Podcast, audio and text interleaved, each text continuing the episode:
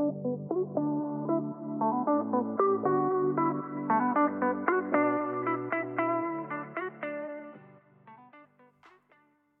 en welkom bij alweer de tiende aflevering van onze Law Talk. Mijn naam is Patricia Wijmans en ik zit hier met mijn collega Pascal Willems. En wij gaan jullie, zoals, eh, zoals we eigenlijk elke week doen, meenemen in de actualiteiten. Uh, en vandaag grijpen we eerst even terug op een eerdere aflevering van onze podcast, namelijk aflevering 8. Daarin hebben wij een artikel uit Trouw besproken. Uh, en waarin we met name op de arbeidsrechtelijke aspecten zijn ingegaan uh, van, het, van de mogelijkheden die je als werkgever hebt om een coronabewijs te laten zien. Uh, Pascal heeft toen al een opmerking gemaakt. We kijken er nu vanuit de arbeidsrechtelijke hoek. Vanuit dat perspectief kijken we ernaar.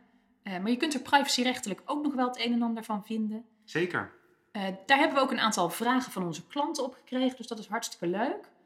maar Pascal, zou jij, zou jij eens wat kunnen vertellen over de privacyrechtelijke aspecten die daar bij komen kijken. Jazeker, want naar aanleiding van de vorige podcast hebben we heel veel leuke reacties gehad en ook toch een aantal vragen. En uh, naast de arbeidsrechtelijke aspecten uh, die we toen hebben besproken, en voor degene die dit voor het eerst hoort, luister vooral podcast nummer 8 uh, even terug.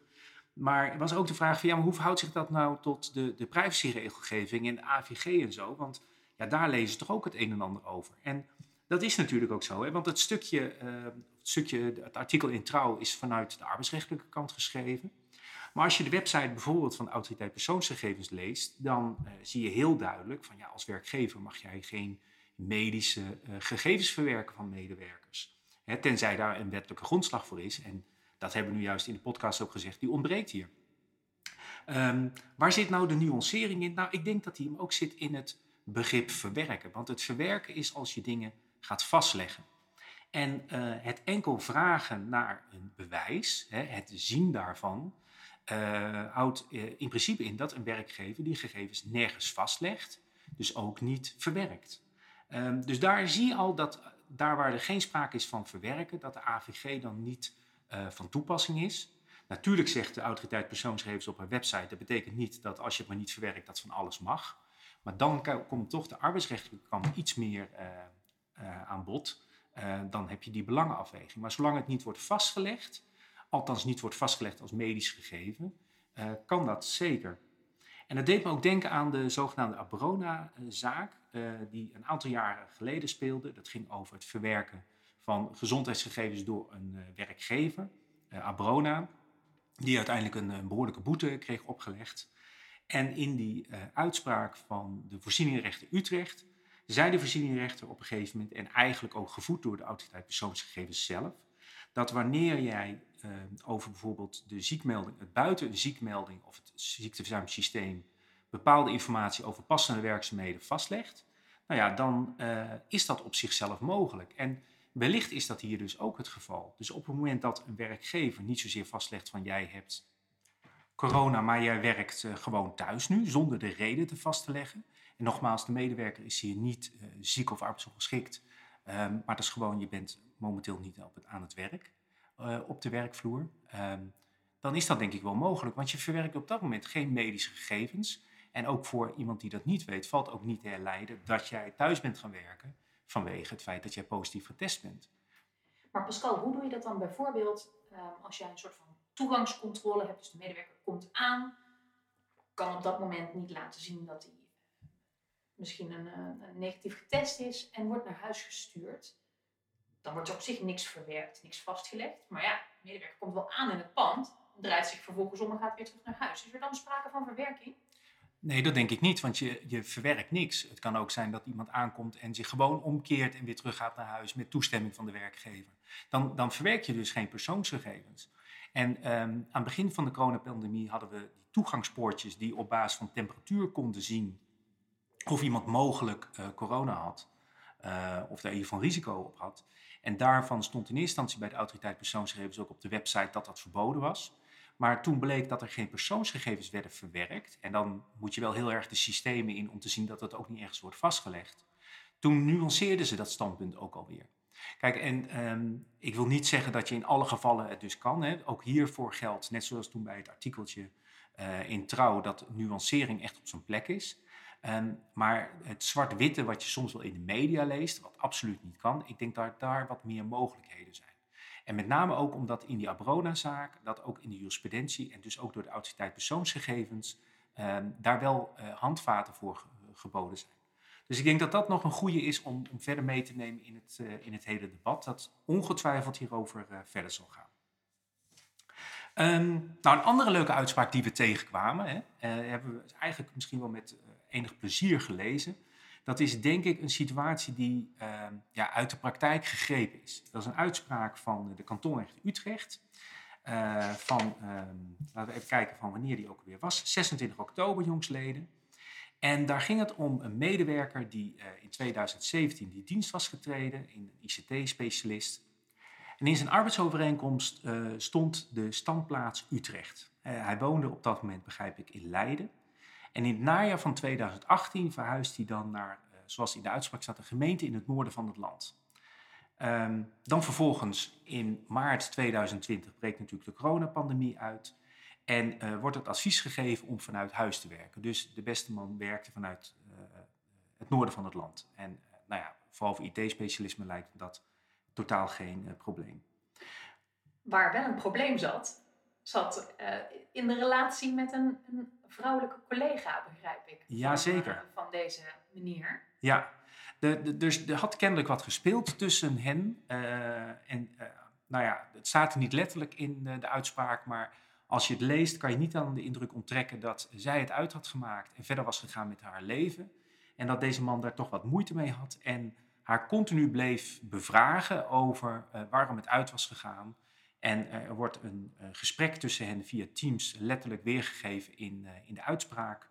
Waarin hij ook aangeeft: Ik ben pas net begonnen met meisjes, dus kan je me uitleggen wat er mis is met mij? Waarop zij antwoordt: Er is niks mis met jou, maar ik ben inmiddels verliefd op een ander. Nou, daar, uit die twee, uh, drie makkelijke zinnen kan je al heel veel afleiden. Um, maar er zat wat tussen hun en hij kon dat moeilijk loslaten.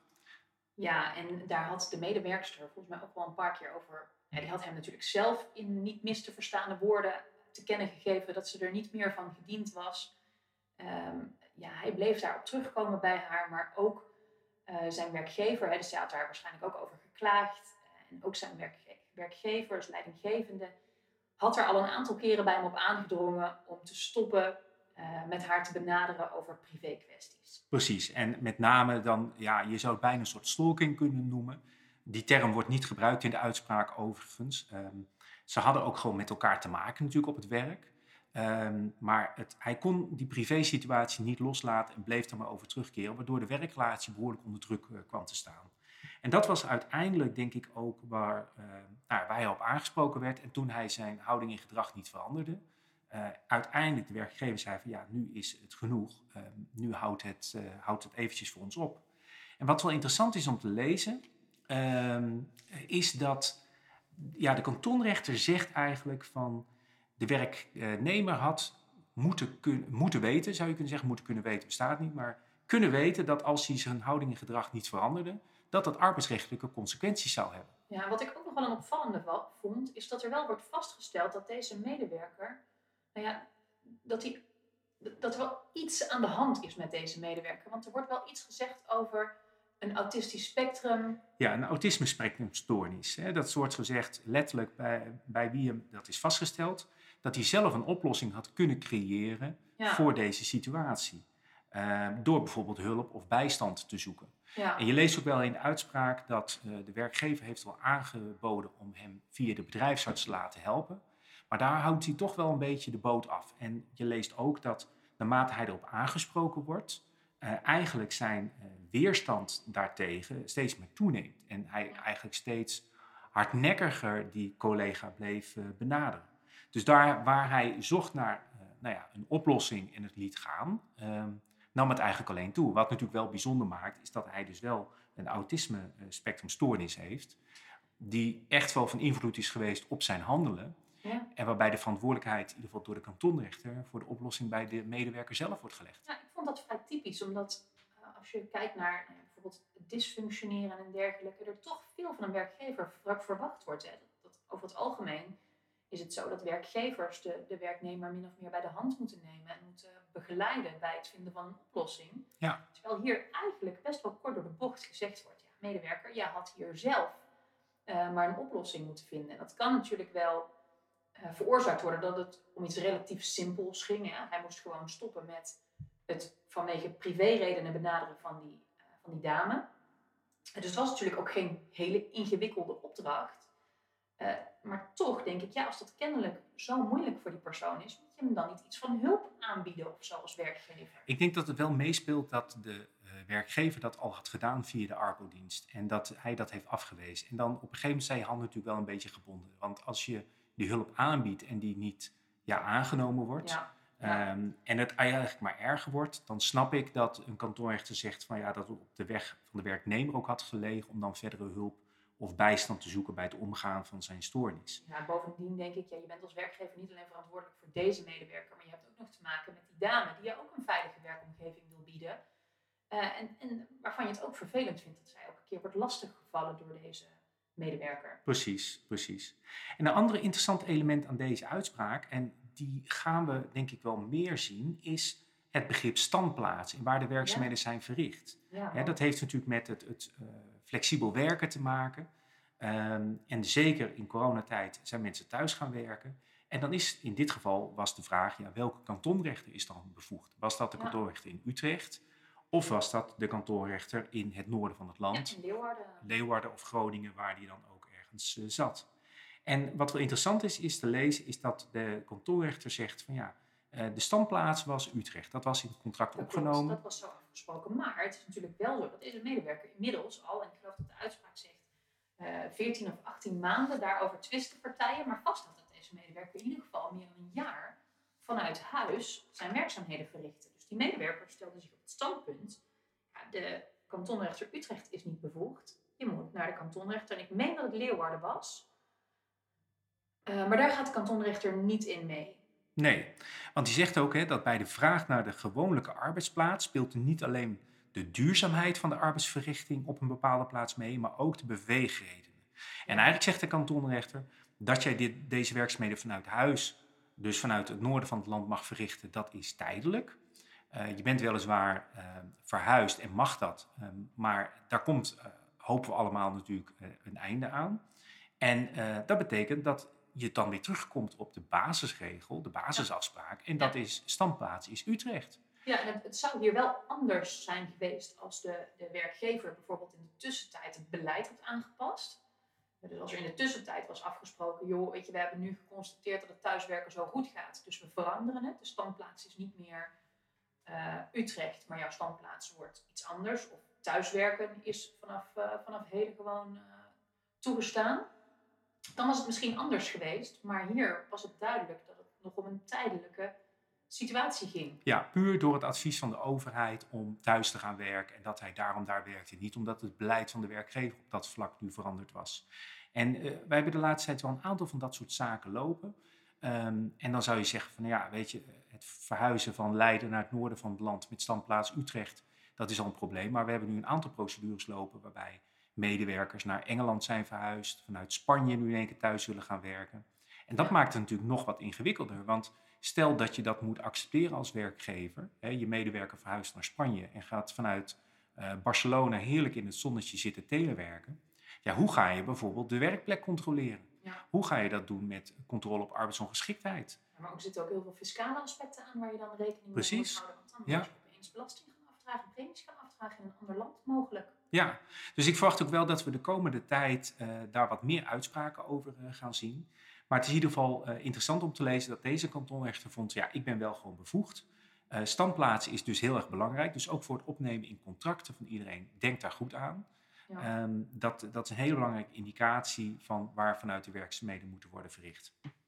Ja, en als je dus wel je eh, beleid hebt aangepast, dan kan dat er dus toe leiden dat opeens een andere rechter bevoegd is dan waar je oorspronkelijk misschien van bent uitgegaan. Ja, en dus kan je ook minder van mensen verlangen dat ze naar een bepaalde uh, werkplek toe gaan, bijvoorbeeld. Ja. Dat kan daarop van invloed zijn.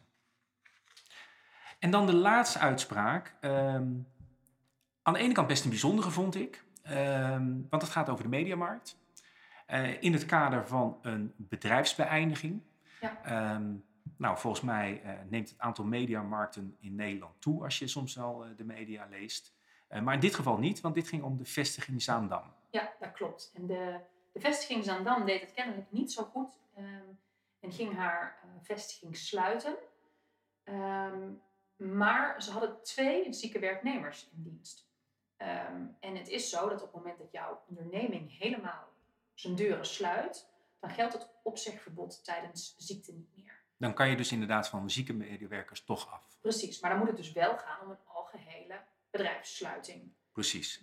Daar had uh, Mediamarkt zich ook op beroepen. Zij zeggen ja, Mediamarkt Zaandam is een aparte vestiging, gewoon een aparte entiteit. Wij stoppen er helemaal mee, die, vestiging gaat dicht. Het pand wordt, uh, werd volgens mij gehuurd, huur zou zijn opgezegd. Ehm, dus uh, we willen graag afscheid nemen van twee medewerkers. Voor één medewerker werd dit door het UWV goedgekeurd. Uh, dus die, daar werd toestemming voor gegeven om die medewerker, uh, om de arbeidsovereenkomst van die medewerker op te zeggen, maar voor één medewerker niet. Vervolgens is de, is de werkgever toen naar de kantonrechter gegaan. maar de kantonrechter die is het niet eens met de werkgever, met de mediamarkt in dit geval. Want die zegt, ja, jouw deuren gaan wel sluiten, Zandam. Maar we kijken niet alleen maar naar die vestiging. We kijken naar de hele, hè, naar de hele mediamarkt, naar de holding. Ja, en dat is wel interessant, want uh, Mediamarkt Zaandam uh, was wel ondergebracht in een eigen BV. Met een eigen directie, zou je kunnen zeggen. Uh, dus uh, opereerde in zekere zin wel zelfstandig, weliswaar binnen een concern, maar was een aparte BV. Ja, klopt. Daarin maakt, daarin maakt de rechter ook wel echt heel specifiek een, een afweging. Hè. Ze kijken niet alleen naar, joh, ben jij een aparte, een aparte BV en heb jij een eigen directeur bijvoorbeeld, maar ook welke bevoegdheden heeft die directeur precies of wie, wie draait er echt aan de knoppen en maar ook hoe presenteer jij je naar buiten toe. Er werd eigenlijk, als je op de reclame iets voorbij ziet komen van de mediamarkt, dan zie jij niet, uh, dit, is, dit gaat om de mediamarkt uh, Zaandam, dit gaat om de mediamarkt Amsterdam, of noem het maar. Precies, ja.